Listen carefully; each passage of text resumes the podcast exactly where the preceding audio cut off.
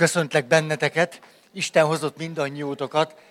Szerintem ma befejezzük ezt a sémát. Ez az érzelmi gátoltság séma, és annak a lehetőségeit és terét keressük, hogy hogyan tudunk, és a cím is erre akart utalni, a testünkön keresztül, mert hát hogy másképpen kifejezése juttatni azt, ami bennünk él és bennünk van, és ezek nem csak érzések, és főleg nem csak arról van szó, hogy negatív érzések, mert ebben a sémában, vagy ennél a sémánál nem csak a harag és az indulat és az agresszió és a szomorúság vagy a félelem az, ami gátolt, hanem az öröm is, és a ragaszkodás, és a kötődés, és a szeretet, és a törődés, az már volt, ugye? Az kétszeresen gátolt. Tehát pozitív érzések, pozitív tartalmak is gátoltak. Egyáltalán tulajdonképpen mindaz, amivel és ahogyan magunkat meg tudjuk jeleníteni, az akadályokba ütközik bennünk, és ennek a hátterében mit figyelhettünk meg? Olyan korai tapasztalatokat, amikor az lett sajnos a fájdalmas élményünk, hogy amikor egyszerűen csak voltunk, még inkább, amikor kifejeztük magunkat, megmutattuk magunkat, akkor az ellenállásba ütközött, és valamiféle kritikát kaptunk érte, vagy megszégyenítést, vagy megvetést, vagy lenézést, vagy lekicsinlést, vagy leértékelést. Hogy nézel ki? Fog már be, miért nem tudsz nyugton maradni? Ahogy az én nagymamám mondta, nem órikáld magad. Hát ha én most hallgattam volna a nagymamámra, biztos nem jövök el. Mert ez egész egy önmaga mórikálása, most a szónak remélem jó értelmében. Hát mi, mit keres, mit keres itt? Rendes ember ül, na, mint a vizsla. Ül, és akkor ül. A vizsla az ül. Na most, azért mondom, hogy be szeretném fejezni, majd a székekhez visszatérnék, mondanék, akkor még van egy 6-7 területünk. És sosem arról beszélünk, hogy mit, hogyan lehet elrontani. Hogy mi és hogyan tud nem jól működni, hanem sokkal inkább az izgat bennünket, hogy hogy tud valami jó lenni. Hogy hogy tud valami jól alakulni, hogy tudunk fejlődni, hogy tudjuk magunkat fejleszteni. Hát ez engem sokkal jobban érdekel. Ja, eszembe jutott egy pszichológus ismerősöm, aki azt mondta, figyelj fel, én elmúltam 50 éves, engem már ezek a közvetett megküzdési stratégiák nem nagyon érdekelnek. És ez alatt azt értette, tehát, hogy ér valami, és akkor hazamegyek, és úgy átgondolom, és úgy, úgy töprengek rajta, hogy mi mindent éltem meg, és azt mondja, sokkal jobban foglalkoztat, hogy amikor ér valami, arra tudok-e reagálni. Hogy valaki mond nekem valamit, én erre tudok valamit válaszolni, valaki csinál valamit, én erre kreatívan tudok-e valami kreatívat tenni. Hogy ez sokkal jobban érdekel már, mint hogy úgy belül, és úgy magam, és úgy, és úgy rágódok, és nagyon köszönöm a halakat. Hát szóval ez... Hát, és úgy érzem, mióta nézzük, egy kicsit gyorsabban úsznak. Ezt tudjátok, hatunk rájuk. Kifejezetten, hát ez, ez nagyon puszi nektek. Na, ha a férfi, akkor nem. A... Jó, gyerünk, akkor mondom a területeket ahol még rengeteg lehetőségünk van önmagunk kifejezésére, és közben pedig azt is tudjuk, emlékeztek mi a félelmünk, hogy ha valamelyiket ebből a területből elkezdjük csinálni, hát, na azt már nem, mert én nem vagyok olyan. Ez nagyon idegen tőlem. Én minden vagyok, csak ez nem. Hát az utolsó dolog, amit én meg fogok csinálni, az mondjuk a következő pont. Én egyáltalán nem ilyen vagyok, én ismerem magam, ez nagyon távol van tőlem. Na erről van szó. Olyan korai a sérülés, hogy egészen távolinak tűnik sok minden, ami egyébként annyira természetesen önmagunkhoz, vagy az élethez tudnak kapcsolódni, vagy tartozni. Jó, ott tartottunk, emlékeztek, hogy természetes hogy egy csomó minden nem is természetes nekünk, és hogy a természettől mennyi mindent tanulhatunk meg, és akkor elmerengtem az almafán, meg a cseresznyefán, főleg a cseresznyefán. Jaj, van néhány cseresznyefám. Jaj, nézegetem őket, hogy gyümölcsöznek, meg hogy száradnak, meg na hát igen. Szóval, na, A következő pont, ez a 28-as volt, akadályoztatott a szeretetem kifejezése. Ez még nem volt, ugye? Nem, a szeretet kifejezése. De most hát ezt nem fogom így elkezdeni, hogy a szeretet kifejezése. Egyszer, na, tulajdonképpen ezt a szót évente nagyon ritkán mondom ki. Úgyhogy most is óvakodok, hogy ezt nagyon hosszan mondjam. Gyökösi Bandi bácsinak van erről egy története, hogy hát ugye persze keresztény körökben mi másról is lenne szó, mint a szeretetről. És akkor volt valami lelki gyakorlat gyerekeknek. Akkor kérdezték az egyik gyerkőcöt, hogy na, mi volt a téma? És akkor a gyerkőc azt mondta, a szejetet. Csak a Bandi bácsi attól kezdve a szejetet. Nem, nem akarok a szejetetről beszélni, hanem csak arról, hogy ott van bennünk mindaz, amit talán ehhez kapcsolunk, és nem tudom, ti szoktatok azon vitatkozni, hogy a szeretet micsoda? Hogy a szeretet érzés. Nem a szeretet döntés. Nem a szeretet valami pozitív szándék. Nem, a szeretet egy megfontolás. Nem, a szeretet egy hangulat, ami eltölt bennünket karikor. Szóval, ha már most azt kellene körbejárni, hogy mi is a szeretet, akkor ez mind, mind. Tehát egy érzület, egy szándék, egy döntés, hozzá kapcsolódó gondolatok és érzések, akár hangulatok és cselekvés, és ez mind. Tehát teljesen értelmetlennek tartom ezeket a meddő vitákat, hogy döntés vagy érzelem. Hát, ha.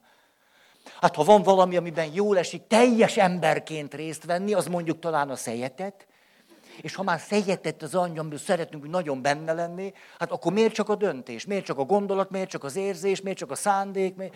hát akkor ez az egész így. Jól van. Erről nem is akarok beszélni. Tudjátok, a nővér, aki haldoklókat kísér évtizedeken keresztül, és akkor azt mondja, szinte néhány egyszerű mondatot mondanak azok, akik azt mondják, hogy de sajnálom, hogy. És akkor visszanéznek az életükre. Ez nektek előre van, de most nézzétek el nekem, hogy én központúan magyarázom. És akkor az egyik mondat ez, hogy nagyon sajnálom, hogy nem fejeztem ki eléggé azt, hogy szeretek másokat. Mert tulajdonképpen ott voltak, tehát tulajdonképpen a kifejezés hiányzott. Hogy a nem jóját neki, hát most mit számít az, hogy én mit éltem meg?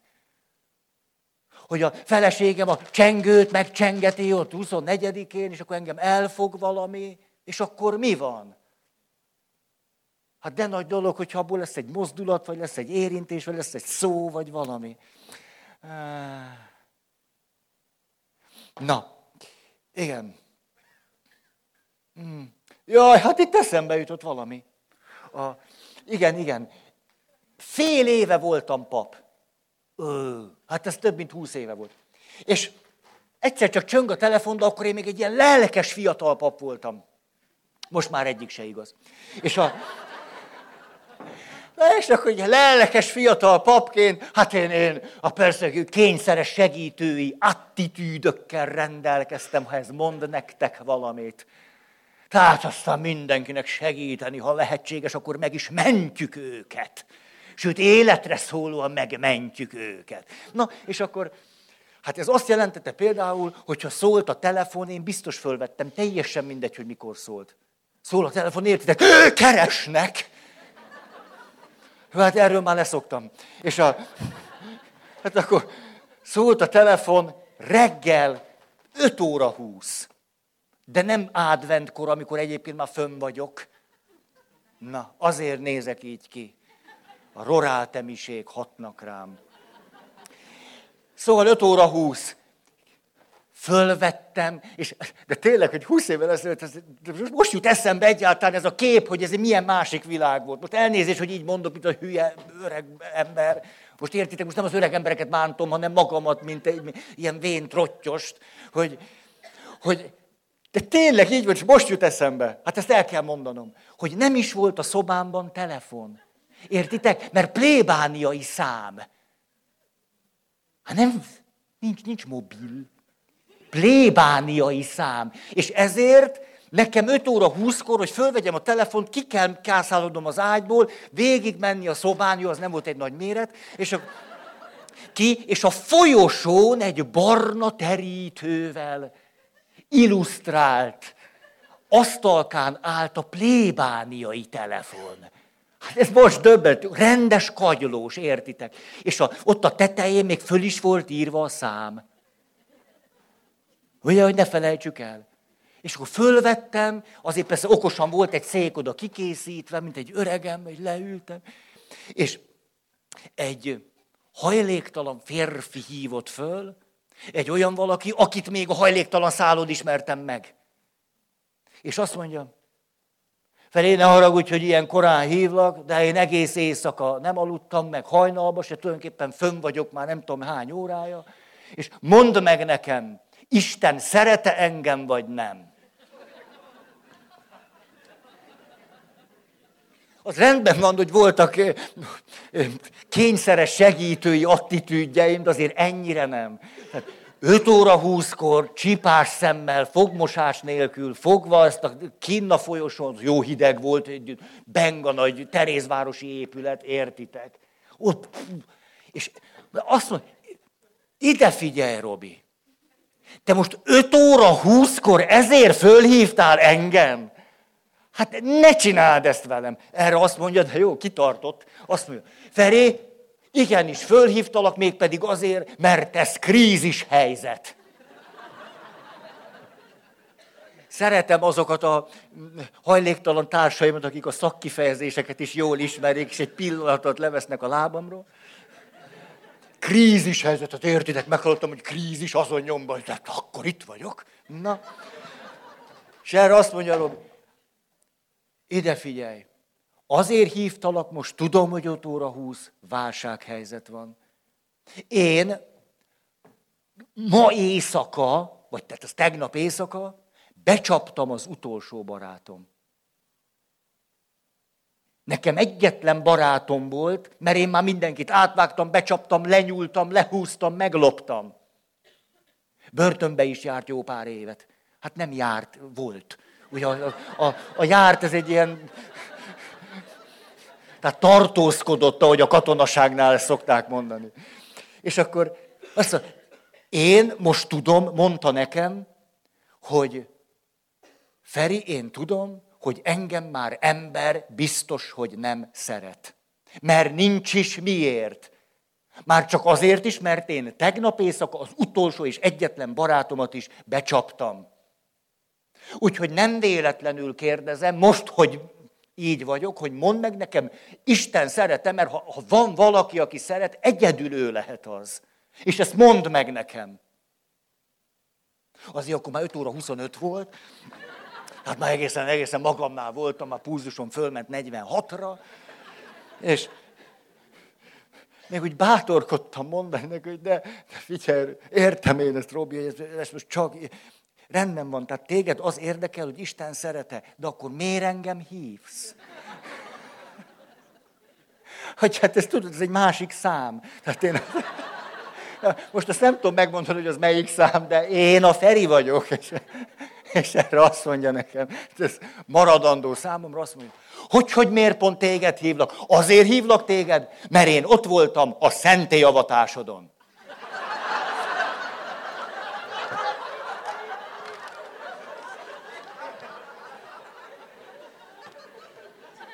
Hát nem mondom, hogy most, most aztán teljesen fölébredtem. Ide figyelj, Robi, fél éve, mit nem fél éve, néhány hónapja, hogy pap vagyok. Hát milyen szentély avatásomon. És egyszer csak kapcsoltam, hogy mire gondolsz. Ja, ide figyelj, Robi, hát ez nem szentély avatás volt, hanem pap szentelés. Erre azt mondja, nekem te nem magyaráz, én ott voltam. Bátorkodtam neki elmondani, hogy én is, Robi. De minden esetre aztán már nem térhettem el továbbá a tárgytól, hogy most Robi arra volt kíváncsi, hogy valaki szereti-e őt, vagy nem, és erről nem gondolkozni akart, ezen nem töprengeni akart, nem tippelgetni akarta, meg hipotéziseket fölállítani, ő azt egy élő embertől akarta hallani. És annyira bennem van ez, hogy igen, hogy az életnek ott van egy-egy pillanata, amikor nem elgondolni akarjuk, nem elképzelni, nem tudni, hogy szeretsz, hanem hallani akarom. És hogy ennek nyilván a másik része, hogy milyen nagy dolog, amikor úgy vagyok vele, hogy nem csak gondolni akarom, nem csak érezni, nem csak átélni, nem csak tudni, hanem ki is akarom mondani. Hogy annyira jó lesne mondanom. Jó, tehát igen, én is, én is, én is olyan jó esik, hogy most helyettem is. Bújj még egyet bele. Tehát a érzelem önkifejezésének tere, hogy jó van, nem ragozom már, ez mit? Következő. De tényleg nem, hát most olyan édes ez a... Hogy? Értem. Mogogtad. És együtt vagytok. Vett jegyet? Nem, most... Nem, Szabad egy pillanatra? Csak azért, hogy igen, hogy, hogy mit, mit csinálunk egymással. Hátulról is, mert a barátság baba. Dobom? Nem. Ilyet. Nagyon köszönöm, köszönöm. Szóval, következő, ahogyan ki tudjuk magunkat fejezni. Ragaszkodás, kötődés. Igen, igen. Emlékeztek, múlt héten éppen beszéltem erről a hajléktalan ismerősömről, aki velük együtt élünk. Na, ugye csak én benne a házba, ő meg mellett. Azért nekem könnyebb a dolgom ott angyalföldön. Emlékeztek, hogy pont róla beszélte, azt mondta, hogy ő lerövidíti a találkozást, mondja, nem kell hozzászokni, tudom, kérem az ezrest. Emlékeztek, róla van szó. Tehát ő az összes, egész párbeszédet elmondja, és nekem már csak a pénzt kell adni. És most vasárnap, megint már mindenki elment, már minden, már becsuktunk, már leoltottunk, már jól átfagytam, és ilyenkor ő még mindig ott ül a lépcsőn. Ja, és akkor az, az utolsó momentum az, hogy akkor beszélgetek vele egy kicsit. És ül és azt mondja, hogy ő tudott Feri atya, hogy a héten fölkötöttem magam?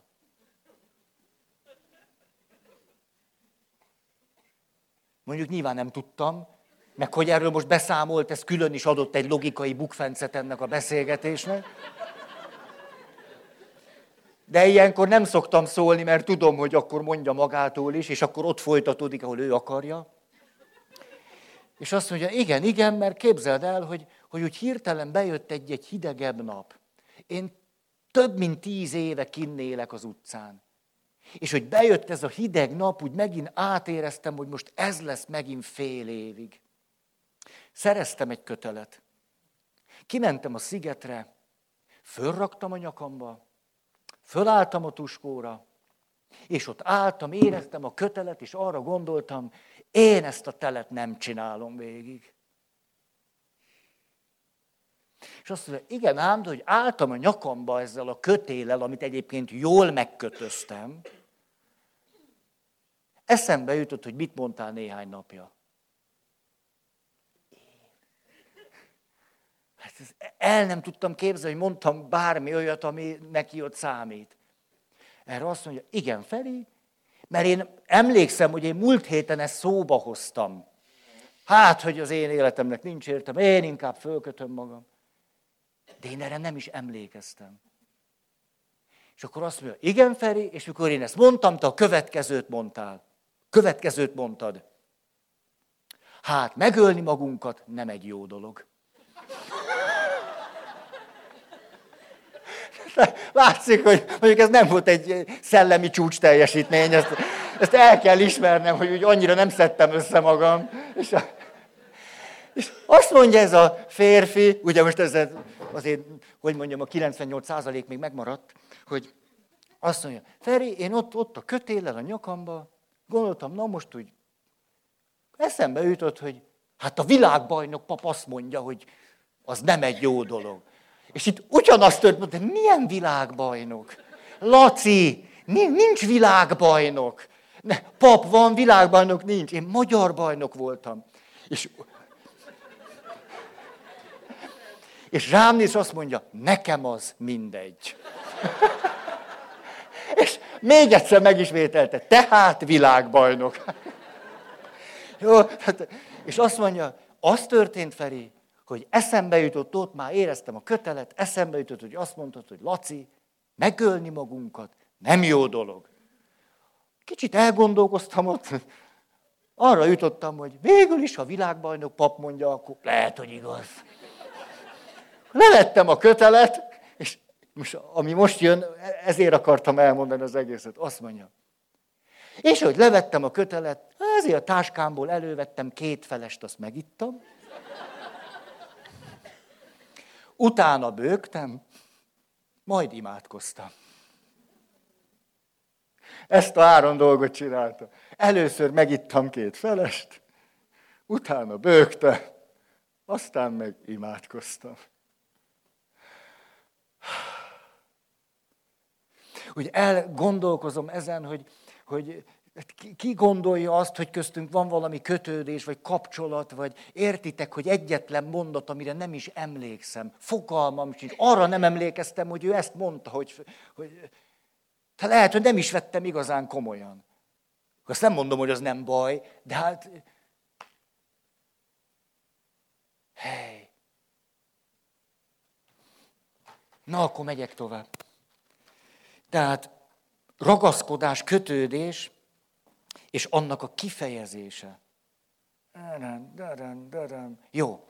Következő. A test. Egyáltalán a test. És akkor még úgy is mondhatnánk, mesztelenség. Hogy önmagam kifejezése, hogy egyáltalán, hogy mikor mesztelen vagyok, akkor milyen érzéseim keltődnek.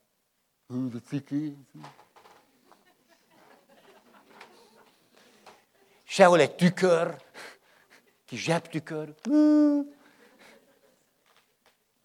Tehát tulajdonképpen nem csinálok semmit, csak reggel, nem tudom én, öltözködöm este, vetkőzöm, és hogy úgy egy, egyáltalán, hogyan hatok ilyenkor magamra?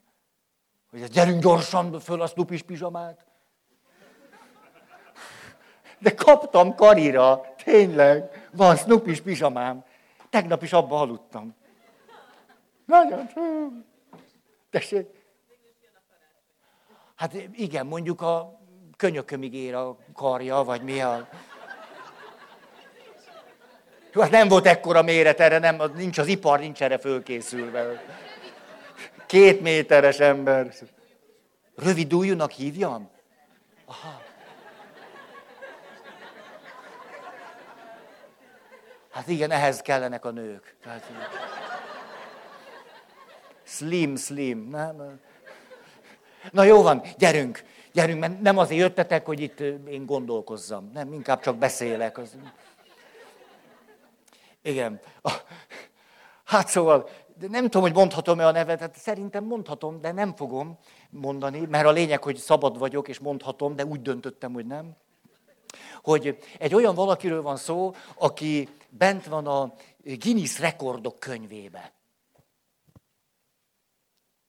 És jóba voltunk akkor, amikor még aktív sportoló voltam, ő neki mondjuk a karja volt olyan, mint az én derekam, és hogy is mondjam, olyan jó viszonyban volt a saját testével, és ez egy felejthetetlen élmény számomra, akkor én voltam mondjuk, nem tudom mennyi voltam, 19. És egy edzés után azt mondja nekem, te Feri, nem ugrunk a Váci utcába kicsit izé, rucikat nézni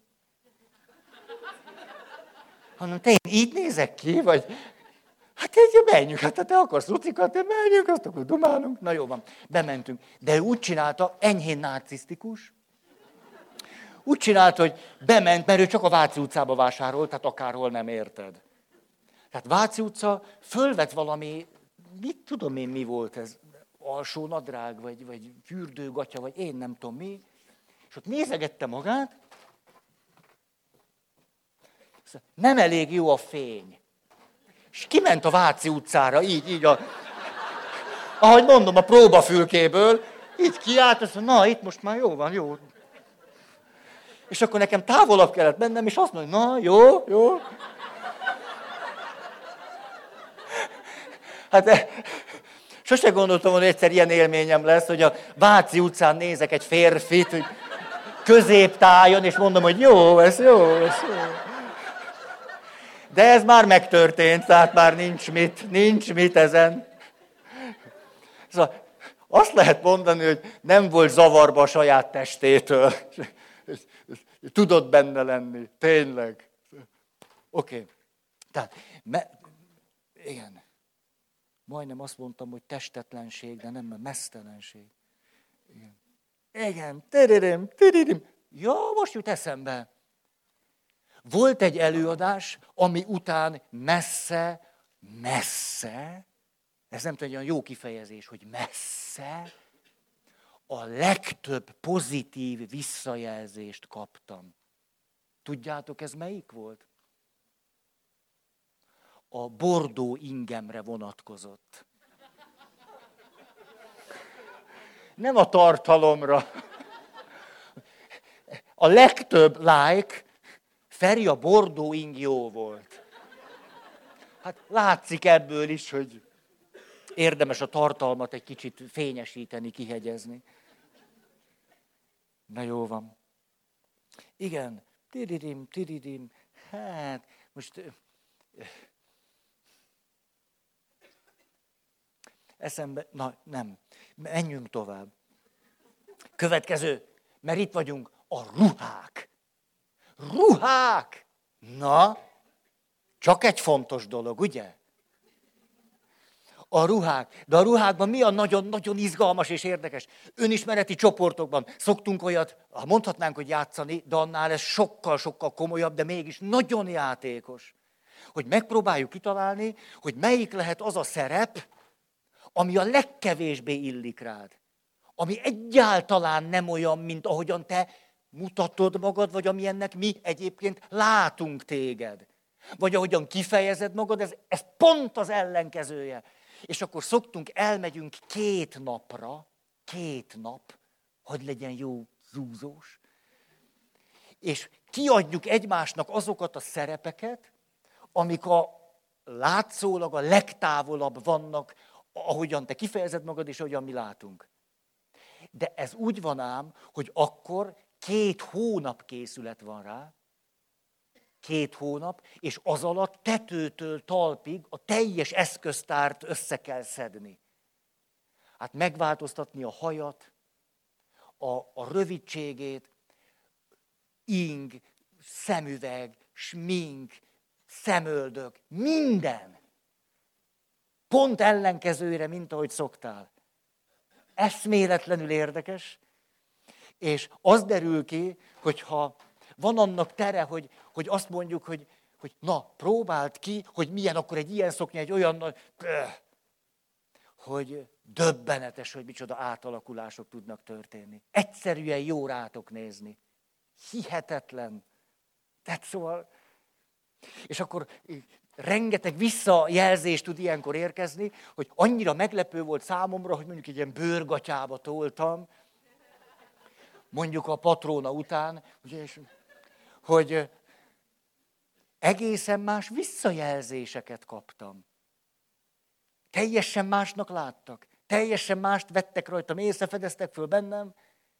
Hát ha van valami, amit úgy, úgy, hogy így érdemes lehet kipróbálni, főleg nőnek, ha mert én most érted, most akkor jó, veszek egy kék farmert, na. De Hát szóval, hogy, hogy milyen sokféle nő tudsz lenni. Hát most ezt nem így mondom, hogy tudok lenni, mert az... Teljesen más visszajelzések is. Szóval a ruhán keresztül megélni valamit, ami, aminek ott bent megvannak a gyökerei. Hogy tudok ilyen nő lenni, és olyan, és amolyan, és... Hát, hát ez, ez, na. Szóval ruhák. Hmm. Igen, igen, igen, téredem, jaj, hát ez jó. Jó, következő. Átélés, megélés. Nyilván a, a, emlékeztek, arról nagyon beszéltünk, hogy az érzelem vagy önmagunk kifejezése nem valami fölvett szerepként jelenik meg, ami egyébként, hanem megtaláljuk ahhoz, megtalálunk valami gyökeret, valami, valami érzés, valami kezdeményt, valamit, á, és a, rá és sejtünk, hogy ez nem teljesen idegen tőlünk, hogy talán ez is bennünk van, hogy, és ennek az előszobája lehet az, hogy megengedem magamnak, hogy valamit átéljek, vagy megéljek. És hogy mostanában egy olyan kultúrában élünk, ahol nem szánunk időt a megélésre. Mert rögtön megosztunk. És amikor arra a srófra jár az agyam, hogy megosztok és megosztok és megosztok, az nem ugyanaz, mint amikor megélek. Megélek és átélek és megélek. És például a, a nekem olyan, olyan fontos élmények azok, jön valaki mondjuk felnőtt ember, életében először gyónt. És akkor egy egész élet történetet meghallgatok, az, az, az mindig nagyon mély, az mindig nagyon megrendít. Az, szóval az, na, az egy ilyen ünnep, az ember gyertyát gyújt, és... És hogy mindig, mikor történik egy ilyen gyónás, hogy valaki egy egész életet odahoz, akkor szoktam azt mondani, hogy ha csak lehet. Most ne rohanj valami, valami mást csinálni. Ne rohanj el, nem tudom, még karácsonyfát díszíteni, meg még öt ajándékot megvenni, meg még a kötöző zsinór, vagy micsoda az. Mi az kötöző szallag? Hogyha lehetne, hanem csak úgy legyél hogy úgy enged, hogy az benned úgy menjen, és aztán menjen, és menjen. És az a, az a szép ebben, hogy ha valami igazán nagy történés zajlik bennünk, annak a java tudattalanul zajlik. Hát tulajdonképpen annak adok teret, hogy tudattalan folyamatok szabadon áramoljanak bennem hogy azok had járjanak át, és had történjenek meg velem. Miközben nem is tudom, mi történik meg velem, de mégis szánok rá teret. Adok neki időt és teret és figyelmet, hogy nem is kell, hogy tudjam, hogy mi is az, ami most én bennem kifejezésre jut. Mert majd megtudom egy hónap múlva, vagy egy év múlva, amikor egyszer csak meg tudok valamit fogalmazni belőle. A, nem egyszer elmentek egy önismereti csoportba. Az önismereti csoport mondjuk tart 9-től 5-ig. Ó, dolgozok magamon, és milyen fontos, hogy fejlődjek és növekedjek. És akkor 5 óra van, dolgoztál, egy csomó minden történt veled és benned, és utána hatkor találkozol életed első szerelmével. Nem már. Mondjuk, végzünk valami igazán belső mély munkát, akkor aznap este már ne csináljunk semmit. Egyszerűen semmit, semmit. Mert még egy valami, az kiüti, még egy, akkor még, akkor még, és még, és még.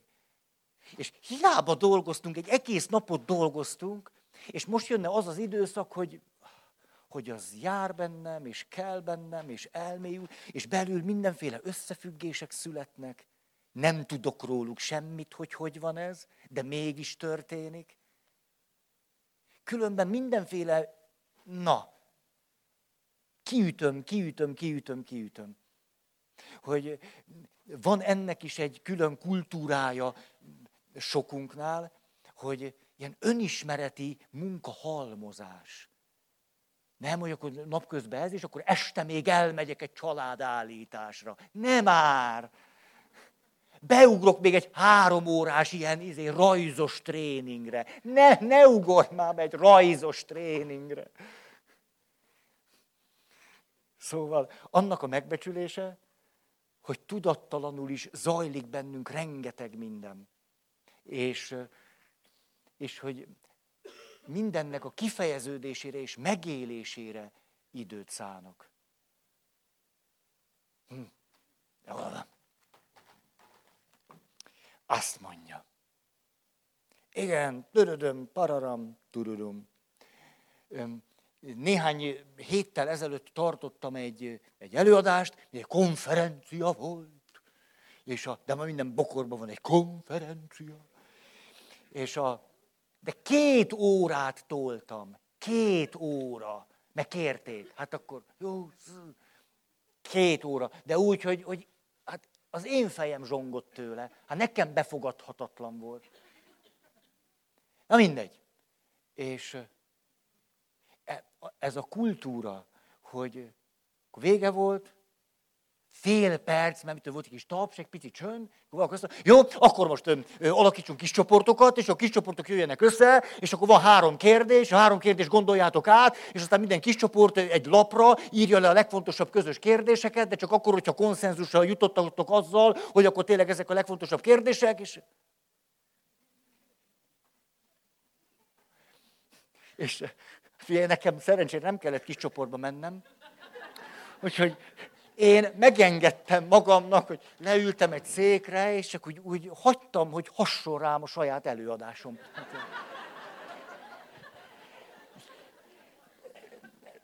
Hát ez kicsit a narcisztikus hangzik, ugye, hogy úgy, úgy valamelyik színét, azt, azt meséltem nektek. Volt 60-as évek, amikor azért a színészek nem nagyon jöhettek, mehettek így meg. No de 60-as évek, és nem Törőcsik Mari volt.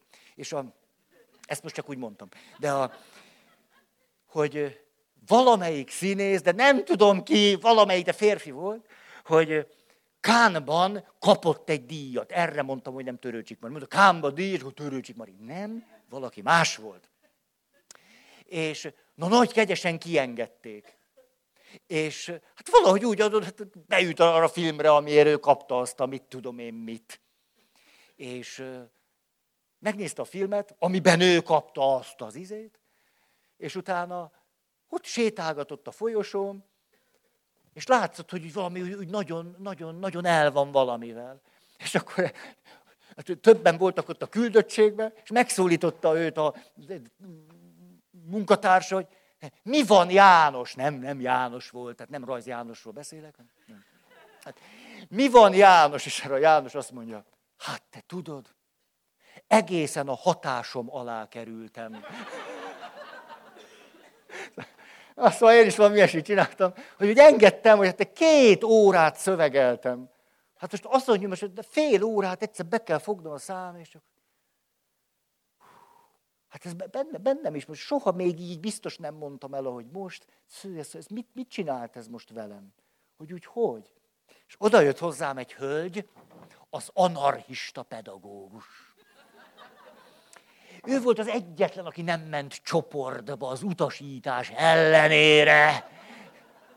És azt mondta, te Ferjet, ezt két órán keresztül toltad.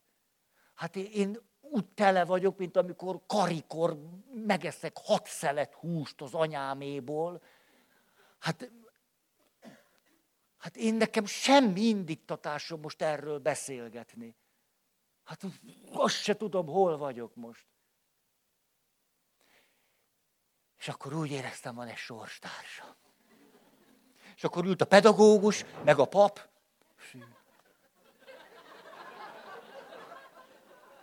És annyira jól esett nem beszélgetni, nem zavartuk egymást.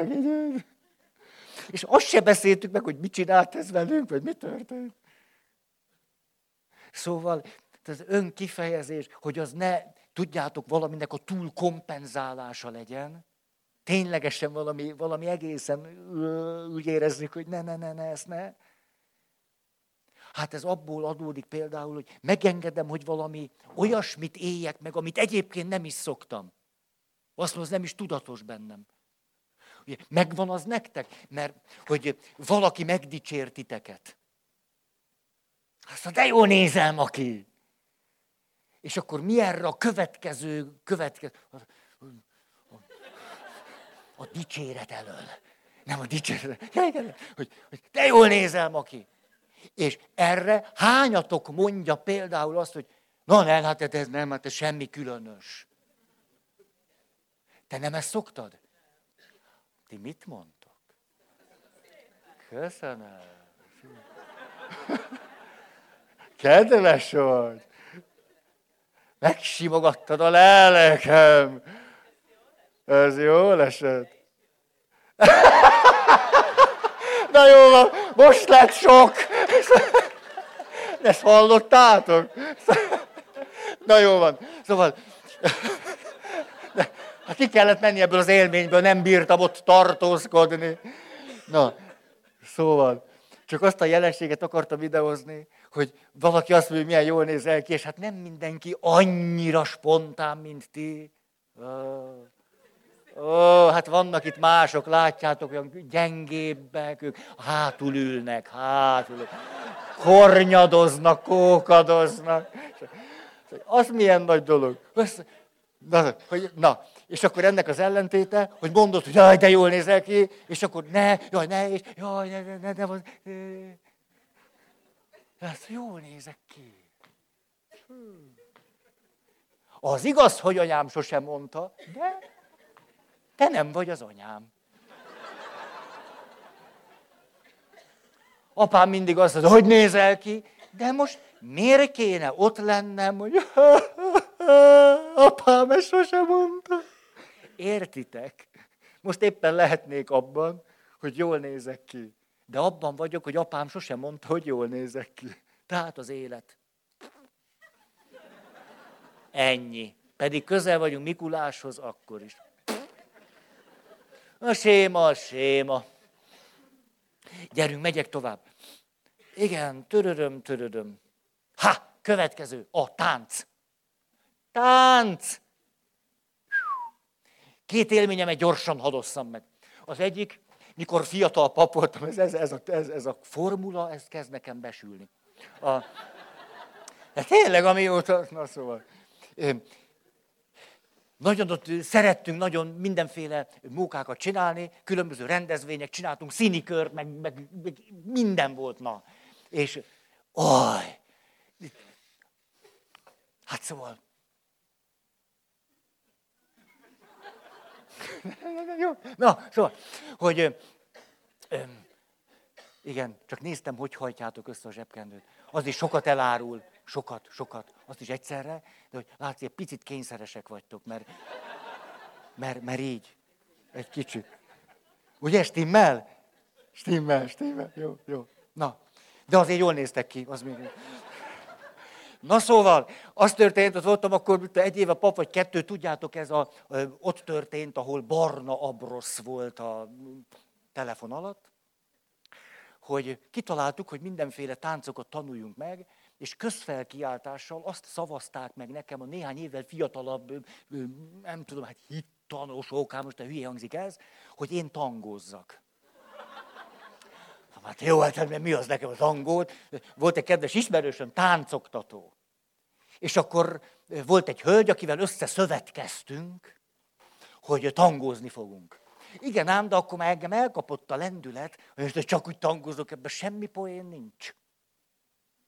És akkor beöltöztem keresztelő Jánosnak, mert ez egy ilyen farsangi bulatság volt, de úgy, hogy meg volt csinálva a fejem, egy ilyen hatalmas, olyan vörös haj volt, egy óriási nagy fémtálcán, és úgy volt kialakítva, hogy itt egy doboz volt rajtam, és innentől kezdve így volt a vállam. És így hoztam be a fejem. És hát, hogy lássak valamit, a dobozon volt azért két lyuk, ki volt alakítva egy hatalmas vál, a saját fejemet hoztam be, és ment, el, ment a Hernádi Judit. Tudjátok, hogy sohasem mond, hogy vége. Mert gondoltam, hogy ha már előadás, akkor előadás, de csak úgy a tangó nem. Csak hogy ennyi meg ennyi meg érte, és, na. És így dobozzal a fejemen tangóztam. Azért azt melyik őtök mondhatja? Csak az volt a probléma, hogy ahogy ezt csináltuk, és hát tudjátok azért a tangó, tehát azért ott... Na, és, a, és ahogy ezt én toltam, ez a doboz így elindult jobbra, és így... Tehát hiába volt rajta két lyuk, ért? Ezért körülbelül az első ilyennél én már nem láttam semmit. Most az, hogy nem kaptam levegőt, azt arra számítottam, de hogy nem is látok, arra nem. És tulajdonképpen egy, egy, egy valami mentett meg, de most azt képzeljétek el, hogy de közben azért toltuk, ment a zene, tehát nem estünk ki belőle, már nem tudtam, hol vagyunk a térben. Én, hát azt így mentek a lépések, de hogy hogy, és, és éreztem, hogy a pára visszaverődik a doboz faláról, és egy dolgot tudtam csinálni, ami a tangóval teljesen ellentétes, hogy így lefele néztem, mert úgy a doboznak az aljából egy picit kiláttam. Hát ez mondjuk egy táncos élményem. Keresztelő Jánosként fej nélkül. Következő évben arra jutottunk, hogy talán hagyjuk ezt a túlzott önkifejezést, és megbeszéltük a barátaimmal egy ilyen, egy ilyen szerény, román néptáncot. Az ökumené jegyében. És, a, és tényleg szereztünk román cuccot, román ing, botos, román, botos néptánc. És ez nagyon jó volt, hát ugye már hír lett, hogy tavaly keresztelő János voltam, hogy idén is várható valami nagyon nagy baj, és a, szóval olyan sokan voltunk ott a teremben, hogy iszonyú közel ültek, ott alig volt egy ilyen kicsi ilyen színpadszerűség, és hát ugye, de botos tánc volt. Hogy és akkor nagyjából úgy megmértük, hogy az hogy megy. Hát csak ugye a szűk hely miatt ott lett még elől még egy sor. Hát én meg ott koppantottam, pss, és én úgy orba vágtam ott egy fiatal nőt, hogy Azóta is emleget, hogy Feri, az a botostán nem volt semmi, mert azóta egy kicsit kom krumplior. Ezzel azt akartam csak mondani, hogy ha én, akkor ti is. Hát ha nekem megy, akkor nektek. Tehát ezt ti is meg tudjátok csinálni, azt tudjuk. Szóval, tánc, önkifejezés a tánccal. És akkor ide rögtön jöhet a következő téma, a zene. Hát az megint egy külön dolog. Zene. Um, most, hogy közeledik karácsony, ez be van nekem így égődve, ez ilyen munkaköri ártalom, hogy eszembe jut, de a Gellért szállóba meghívtak. Na, nem egy kaszinó tojásra, hanem volt egy ilyen valami nagyon, nagyon, nagyon, nem tudom milyen társaság volt, tehát nekem semmi keresni valómot nem volt, de azt találta ki egy szervező, hogy hát miután ez most a karácsony előtt négy nappal volt, öt, vagy nem tudom mi, valami nagyon-nagyon puc-puc volt, de ilyen nagyon fontos emberek voltak ott, egyre sem emlékszem. És a, hogy hát akkor legyen ott egy pap, és akkor, és akkor szolgáltasson. Tudjátok, mert ilyen helyeken szolgáltatunk. Tehát ott nem az, hogy beszélek, hanem ott szolgáltassak egy beszédet. És hogy szolgáltassak egy karácsonyi valami, de olyan hangulatos legyen, ne legyen túl hosszú, de azért üssön. Na, értitek. Jó, hát ezt meghallgattam két órába, hogy mit kell mondanom három perc alatt, és mert hát értitek, a megbízó szándéka az mindig fontos. És az történt, hogy ott a Gellért szálló, de, de mind, szóval olyan illat volt, értitek, tehát az összes francia parfüm keveredett ott a térben. Na igen. És természetesen zongora kísérettel ária, zongora kísérettel hegedű, szóval ott aztán volt zene. És akkor valaki szavalt, persze, Kossuth Díjas művész. És hát szóval az egész, na. És Közben pedig, hát mégiscsak, hogy azért nagyon menjen, egy modern festményekből álló kiállítás dekorálta a falakat. Na, látjátok, van, aki így él, és akkor... Na, és akkor én fölmentem a szokásos stílus, mondok, hát, és akkor tudjátok, azt mondta erre a pásztor, hey! És erre az egyiké, puff, leesett. Ott, ott mindenki fragba volt, meg csokornyakendő, meg... De ez akkorát szólt, így... Hát nem mondom, hogy nem lepődtem meg. Volt még két percem. Hát mondom, ezt már csak kibírom. És akkor befejeztem ezt a történetet, tehát úgy gondolom, hogy három történetet mondok, és akkor belekezdtem a következőbe, és ennek a történetnek is volt egy olyan fölfutása, és mondtam, na hát erre csak azt mondtam, hogy puff, még egy kép leesett. De ezekben a drámai pillanatokban. De a másodiknál megfagyott a levegő. Hát egyszer csak úgy érezték, hogy a Kossuth díja semmi ahhoz képest, hogy itt meg varázslás van. És, a, és én ott álltam, Semmit nem értette az egészből. És képzeljétek el, ott ült a hegedű művésznő, mert az első sorba ült, mert hogy leült, ugye a saját darabja, azt mindig föl tudjon állni, és halálos nyugalommal a következőt mondja. Képrombolás. Utalva az egyház történelmi múltjára. Szóval zene, zene, ének, zene, zenélés, éneklés, nem folytatom. Én a képrombolásig jutottam. Következő, hát ezt nem is. Hát a sport. Sport. Hányatokkal találkoztam már, ért benneteket, ugye emlékeztek a séma, nézem az időt, hű, a séma hát egyáltalán nem. Semmi hű. Ez a rutin volt, mert van 20 perc, 21. Hát, dúskálunk az időben. Szóval, mm, a séma, emlékeztek, úgy alakul ki, hogy valaki, aki éppen gyerekként mórikálja magát, megmutatja magát, kifejezi magát, érzéseit átéli, és, és, és, és, hogy egyszer csak megszégyenítik őt. Hogy nézel ki, hogy lehet ilyen hülye, nézd már a tükörbe, férfi ilyet nem csinál, nő ilyet nem csinál, okos ilyet nem csinál, arisztokrata ilyet nem csinál. Na, hát értitek. És, és hogy a sporttal kapcsolatban testnevelés óra. Ugye nincs is kedvem körbenézni, hogy úgy lássam az arcotokat, hogy kiknek, mikor meg, meghalljátok ezt, hogy testnevelés óra, hogy milyen rettenetes élmények kapcsolódhatnak sokatokban ehhez. Ugye? Mert ott meg lehet szégyeníteni, mert ott, ott van, a, tehát az iskolában mégiscsak akkor ott rendes, vagy egy ingbe, vagy egy garbóba, vagy pulcsi, vagy gatya, vagy valami. De a tesi órán le kell vetkőzni, ugye ez már eleve, hogy ott vagy egy kis gatyában, van, akinek már ez problémás. Nem tudom, hogy, hogy ezt nem tudom, hogy volt, de a mi időnkben kétféle színű női ruha volt, és nem tudom, miért a női jutott eszembe, valószínűleg, hogy azt inkább néztem. És, a, és most is megvan bennem, volt a piros, meg volt a kék, és itt volt két nagy fehér gomb. Vagy három. Megvan ez nektek? Na tehát ott eleve, a, akit már gyerekkorban szégyenítettek meg, vagy már nem volt jó az örökség, neki már eleve ott lenni úgy a testében, a többi testtel együtt, hát már, már az sok. És akkor ott még csinálni valamit hogy nézni, hogy 40 ember nézi, hogy kötére mászok. Hát de nem tudok mászni. Tudjuk.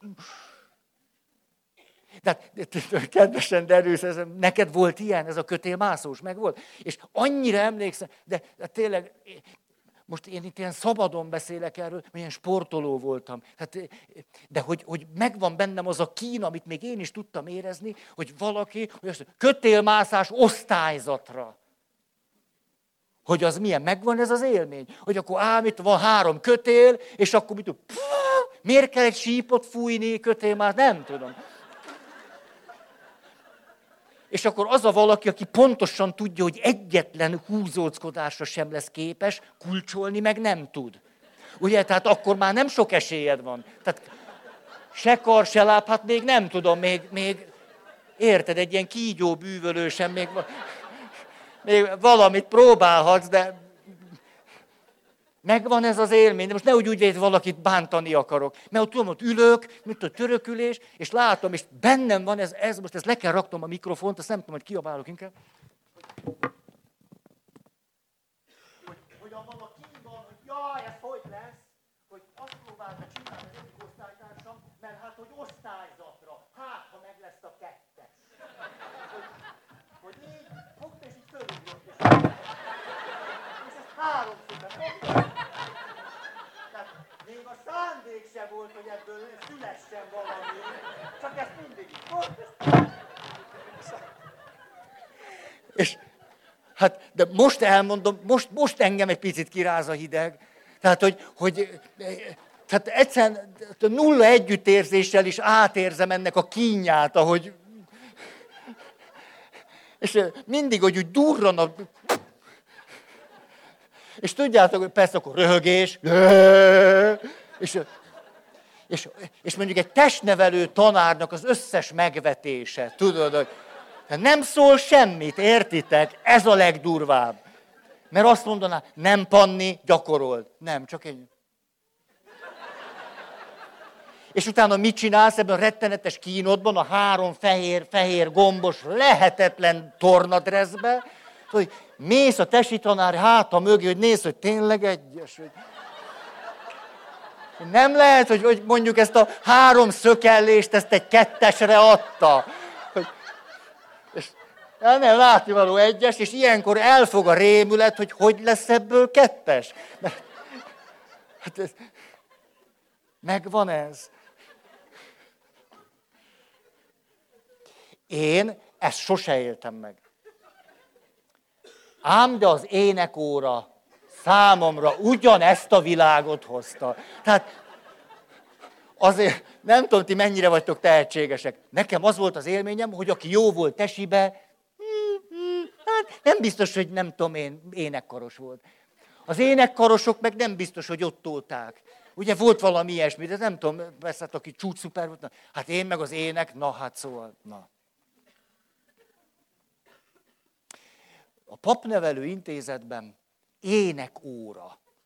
Velem egy karnagy, értitek, karnagy, zeneakadémia. Külön gyakorolt. Hát az körülbelül ez, de én nekem sosem ment jól. Hát ez, hát szóval volt olyan, képzeljétek el, ez, első helyemen, ugye káplán voltam, volt egy plébános hogy És akkor azt mondja, itt a Szent Húsvét, úgyhogy te fogod ezt a részt csinálni, és akkor azt kell énekelni, hogy boruljunk térdre. És ennek még egy dallama is van. Hát a szöveget hamar megtanultam, tehát azért el tudtam kezdeni, ezt tízszer kell elénekelni, hogy boruljunk térdre. Én mondtam, hogy ide figyelj, Laci atya, ha te azt akarod, hogy itt méltó módon ünnepeljünk, kérlek, ezt vond vissza. Mert, mert ha én itt elkezdem ezt tízszer elénekelni, az egy népzenei gyűjtő körútra is elég lenne, hogy milyen variánsok fakadnak föl az ajkamból. És, és tudjátok, mi történt? Hogy a negyediknél, tehát az összes hamis volt, tehát az most nem is tehát ezt eleve így mondom, hogy hamis volt. De a dallam se stimmelt, sőt, még C-molból D-durba is váltottam, tehát még, de én azt, azt hittek, hogy én ezt hallom. Hát később valaki volt egy abszolút hallású srác, azt mondta, tudod, hogy te váltottál? Mondom, mit csináltam? Azt hittem, hogy letérdettem, fölálltam, azt, az, az, az ment, de mit váltottam én? És a legdurvább az volt, hogy a kántor a negyediknél úgy röhögött, hogy lejött a kórusról, hogy ne menjen tönkre a liturgia. És lement a pincébe röhögni, és szólt a sekrestésnek, hogy szóljon, ha a kilencediknél tartok. Mert utána ő jön.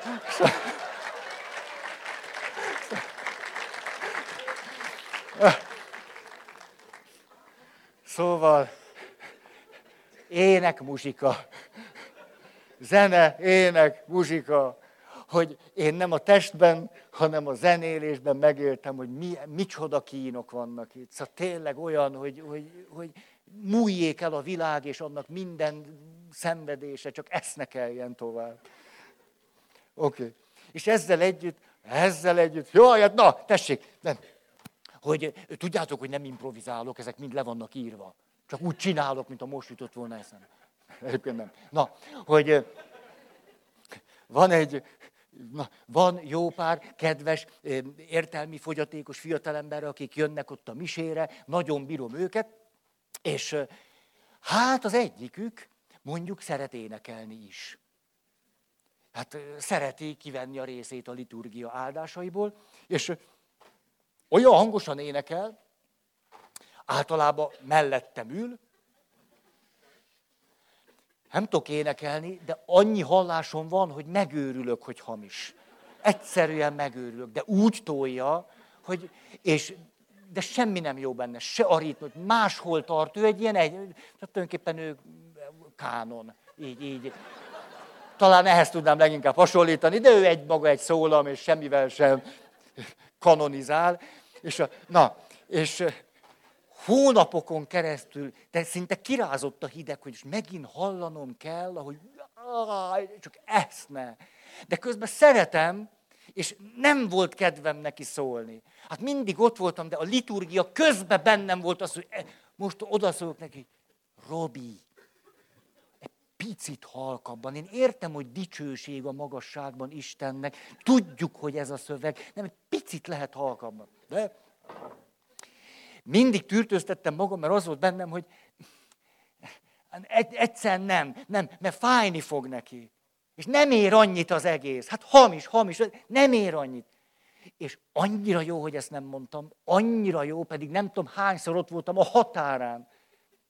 Mert egyszer, egyszer csak rájöttem, hogy nem a Robi énekel hangosan, hanem ti halkan.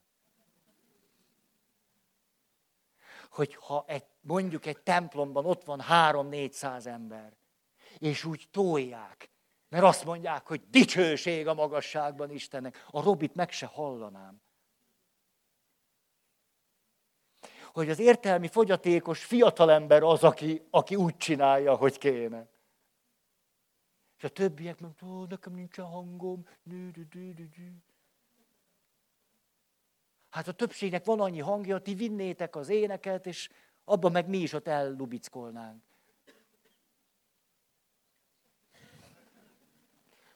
Jó. Tehát zene és tánc. Hát most a Her filmről ne is beszéljünk. Na, tehát azért, mikor Berger föláll az asztalra, értitek? Hát szóval, hát ezen én mennyit fantáziáltam fiatalemberként, hogy hát életemben egyszer egy ilyet úgy fölállni, és tudjátok, szóval az elegancia, hogy így tányér, pohár, csirke, garnérung, és akkor a lámpa, megvan, nem? Hát szóval, na ezt így együtt. És hogy hagyd nézzenek onnan. Szóval az önkifejezés. Következő. Igen. Jó, hát itt van az ének, azt az külön, külön. Igen, tüdödöm, tüdödöm. És hi, Maradt egy utolsó, és aztán na, még akkor úgy is akarnék mondani, az utolsó a szex. Ezek, ezt hallottátok? Valaki azt mondta, na. Most, most ez egy külön szótárt igényelne, hogy milyen sokféle na van, de, de akkor egy történetet hadd mondjak el, szerintem ez a nahoz passzolni fog. Hogy Szisziről szól a történet. Hú, ez milyen nyelvjáték. Szisziről szól, Szisziről szól a szólam.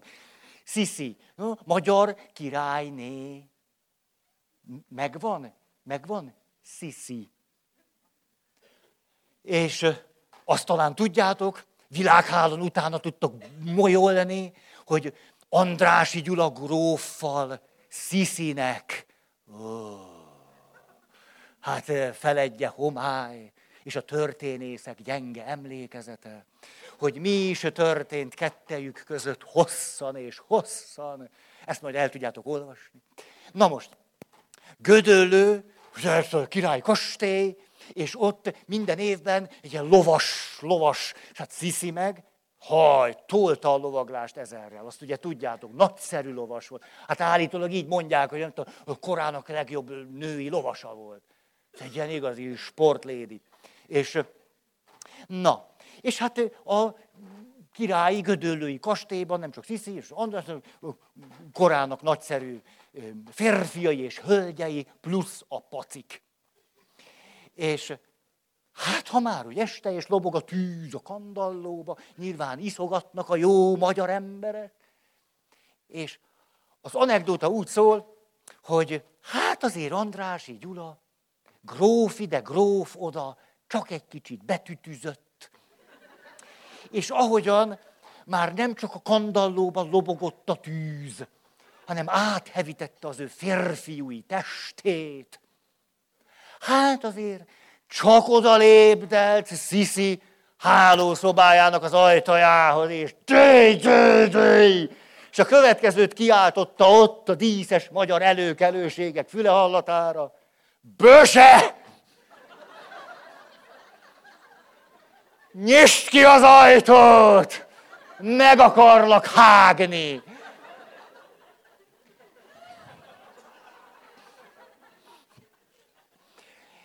Természetesen Sisi ezt az invitálást nem fogadhatta el.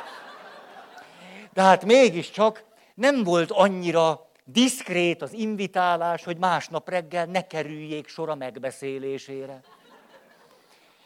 Ezért aztán, ahogyan ott, oh, hát vég az előadásnak, nincsenek jegyzetek. Nagyon köszönöm. Szóval, másnap reggel mégiscsak Sziszi a következőképpen fordult Andrási Gyula grófhoz. Gróf uram, mi volt ez az ordenáré viselkedés tegnap éjszaka?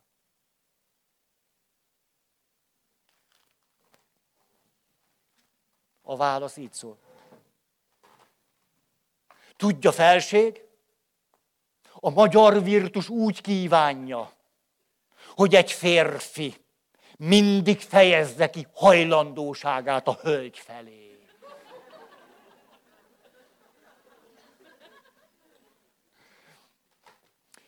Ezzel a történettel fejezném be, ha nem volna még öt perc. Így aztán, tényleg ez egy dramaturgiai fekete lyukba kerültünk. Most már ez... Szóval, Gyorsan akkor öt perc, és tényleg akkor befejeztük a sémát, hogy miért érdemes önmagunkat kifejezni. Négy cég, akkor mondok négy valamit. Az egyik, hogy milyen óriási nagy dolog, most mondtunk valami 29 területet, hogy milyen óriási dolog, hogy amikor nem tudjuk kifejezni magunkat, se pozitív, se negatív, se semmi, hogy akkor tulajdonképpen még arról a, a kompetenciáról is lemondunk, ami egy csecsemőnek a kompetenciája. Még csak nem is sírunk. Emlékeztek, nem akartam sírni. Bocsáss meg, hogy sírok. Egy csecsemő legalább nem kér bocsánatot. De amikor visszahúzódunk, és lebénulunk, és sértettek vagyunk, és semmi nincs, akkor tulajdonképpen még egy csecsemő eszköztárával sem élünk.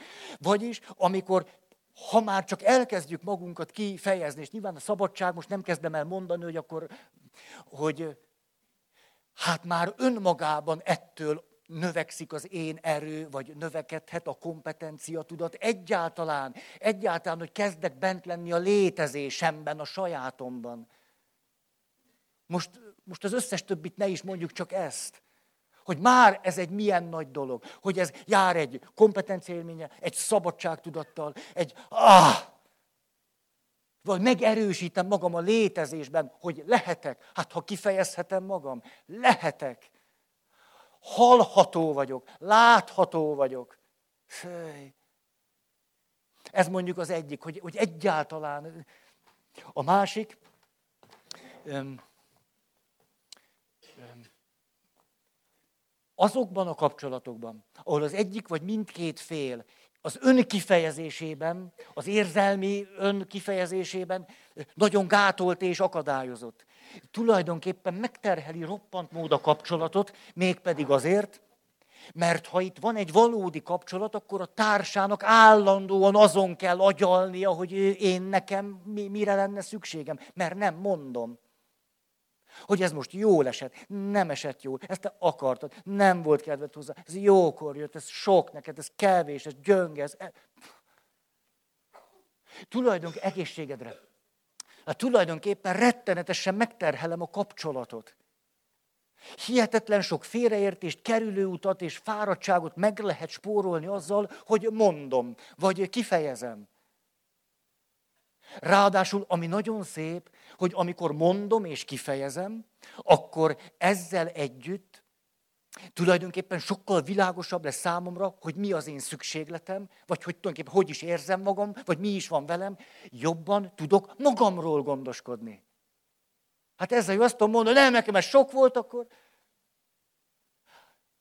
az a személy, aki magát szabadon ki tudja fejezni, és egyébként szabad abban, hogy ne fejezze ki magát, ha éppen az alkalmazkodás felé indul el, tudjátok, egymást kölcsönösen kiegészítő igazságok.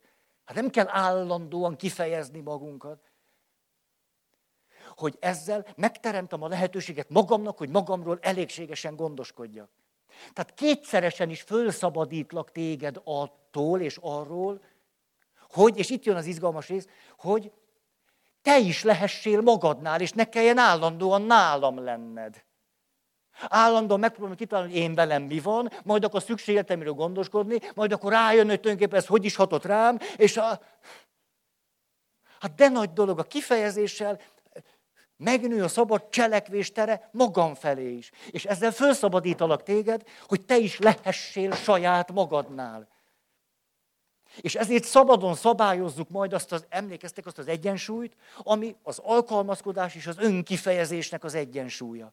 Különben, most nem akarom megint visszahozni, emlékeztek a négy székre, teljesen belegabanyolódunk a négy székbe, hogy ezt mondom neked, ez van bennem, de nem mondom neked, ezt mondtad, és most ezzel próbálok valamit kezdeni, mert persze sose azt mondod, és akkor azt meg nem mondtad, de szerintem ezt mondanád, ha őszinte lennél. Nem csoda, hogy inkább snookert néznek a férfiak. Hogy azzal, hogy megengedjük magunknak, hogy most kifejezem magam, ezzel gondoskodok is, és törődök is magammal, és a szabadságomat és a kompetenciámat is átélem, és utána itt jön a szabadság, utána, amikor te fejezed ki magad, képes vagyok váltani, és például azt tudjátok, hogy konfliktus kezelő stratégia öt van, de most nem akarok belebonyolódni, de az egyik konfliktus kezelő stratégia, hogy van bátorságom magamat kifejezni. A másik pedig, hogy van bátorságom ahhoz, hogy meghallgassalak. Tehát meg tudom engedni, hogy most te fejezd ki magad. És amikor te fejezed ki magad, akkor mert szabadon tudok magamnál lenni, meg nálad, egészen szabadon elkezdem tudni befogadni, amit te mondasz. Engedhetem, hogy ez hasson rám. Mert szabadon bármikor vissza tudok magamhoz térni. Akkor nem kockázatos téged megértenem, és együttérzőnek lenni, és befogadni, és átélni, ha szabadon vissza tudok találni magamhoz. Ugye különben akkor elnyeltél. Akkor már azt, azt se tudom, mit érzek én, mert az a te érzésedet érzem. A te gondolatod jár bennem, a te vágyaid, a te szükségleted, a te akaratod. Felvesztettem magam. Tehát ez benne a gyönyörű, minél szabadabban tudom magamat kifejezni, magamat érvényesíteni. Ez lehetőséget nyújt arra, hogy a következő lépésben veled legyek, sokkal inkább. Mert nem kell védenem magam, tudok ott lenni, és ezért sokkal megértőbb és együttérző vagyok. Ez nagyon sokat segít a kapcsolatnak. Hely!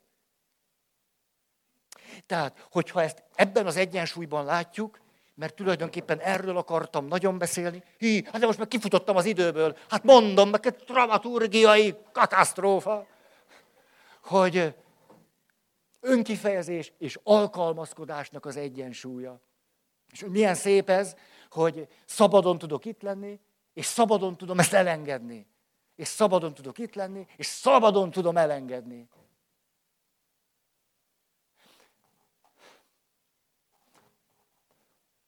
Mert az jutott eszembe, ez akkor záró, hogy tényleg nem szoktam tovább tartani, nem tudom most mi ütött belém, hogy közel a karácsony, szerintem az érzem már nyakamon van. Hogy, hogy képzeljük el azt a 40 éves nőt, aki életében először azt mondja, hogy hát, én most adventben el fogok menni úszni. Elhatároztam heti egyszer. És megvan ez az élmény. A nő úgy dönt, hogy heti egyszer elmegy úszni, de 15 éve nem csinál semmit magáért, nem fejezte ki magát, és agyon alkalmazkodta magát, és úszik, és tele van bűntudatta. És akkor hazamegy, és akkor megpróbál visszalépni a régi kerékvágásba, akkor meg tele lesz haraggal, hogy megint itt vagyok. Ezzel azt akarom mondani, hogy tudjátok, hogy van a gyógyulás folyamata? Van egy egyensúly, amiben még valahogy elevickéltünk. És a második lépés, hogy minden rosszabb lesz, mint volt. Mert mikor úszok bűntudatom van, hát mikor kifejezem magam bűntudatom van, amikor alkalmazkodok, akkor pedig már olyan dühös vagyok. És az a nagy dolog, hogy nem adjuk föl. És akkor teszek még egy lépést, és ha! És akkor itt egyszer csak, mikor úszok, akkor jól vagyok, és amikor alkalmazkodom hozzád, akkor is. És se bűntudat nincs, se harag nincs. És akkor megvan a záró mondat, ahogy Avilai Szent Teréz mondta, na így kell egy papnak, ugye? Mikor kérdezték, hogy Teréz, hogy lehet az, hogy te, aki megújítod ezt a rendet, a karmelita rendet, hogy te ilyen két arccal eszed a csirkét. Nem is csirke, fogoly volt. Fogoly, fogoly volt. És akkor erre Szent Teréz, aki tényleg, fú, szóval tudott nagyon alkalmazkodni, következetesnek lenni, meg aszketikusnak, és tudta nagyon két arcra enni a foglyot. Fogolyt, nem tudom, foglyot. Tehát azt a madarat, és a, ami már nem repül, és akkor kérdezték tőle, akkor mondd Terész, hát hogy van, hogy te, aki ilyen szent életűnek tartanak, hogy te így, így tolod be azt a fogoly pecsegyét. És akkor erre a következőt mondta, nézzétek, ha bőjt, akkor bőjt. Ha fogoly pecsenye, akkor fogoly pecsenye. Köszönöm.